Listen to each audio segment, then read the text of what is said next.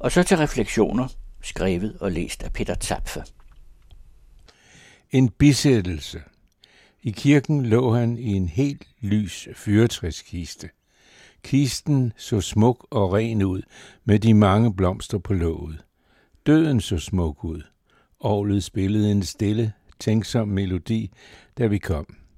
Jeg spekulerede på, hvordan det nu var med den regel om, at familien, altså dem, der står nær den afdøde, sætter sig forrest til den ene side, og andre sætter sig bagved, eller også på den anden side.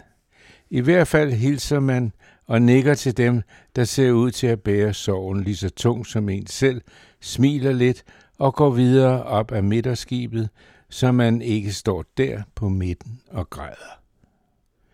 Senere skal der være et arrangement, der prosaisk nok hedder gravøl, selvom den afdøde var afholdsmand.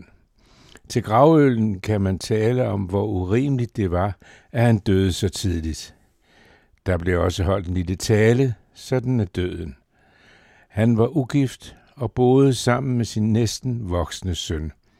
Sønnen, som selvfølgelig også var med i kirken, sad til højre, så det måtte vist være det rigtige, at familien sidder til højre. Der var rigtig mange til venstre. Jeg sætter mig også i venstre side, tredje række inderst. Så kan jeg også trøste en bekendt. Hun sidder og hulker allerede helt alene. Efter fadervor kan man næsten ikke høre, hvad præsten siger, selvom hun er mic'et op. Hun taler utydeligt og en smule ukorrekt om hans liv og levnet, men hun kendte ham jo heller ikke. Hun læser op af sine notater, som aldeles uelegant er lagt oven på blomsterne for enden på kistens låg.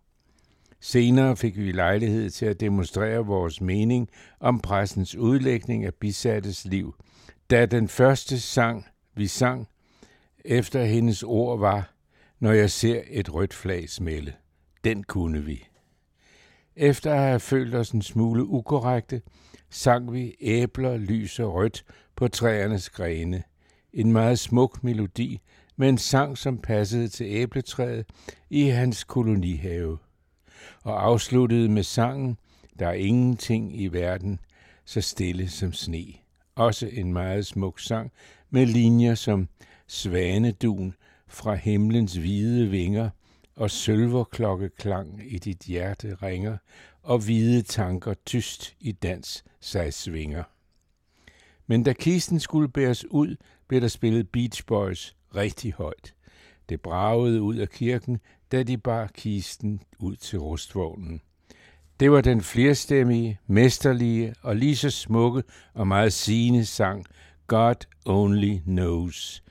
Det var virkelig rørende, og det blev et ægte og værdigt farvel til os fra vores døde ven. Det var en refleksion af Peter Zapfe.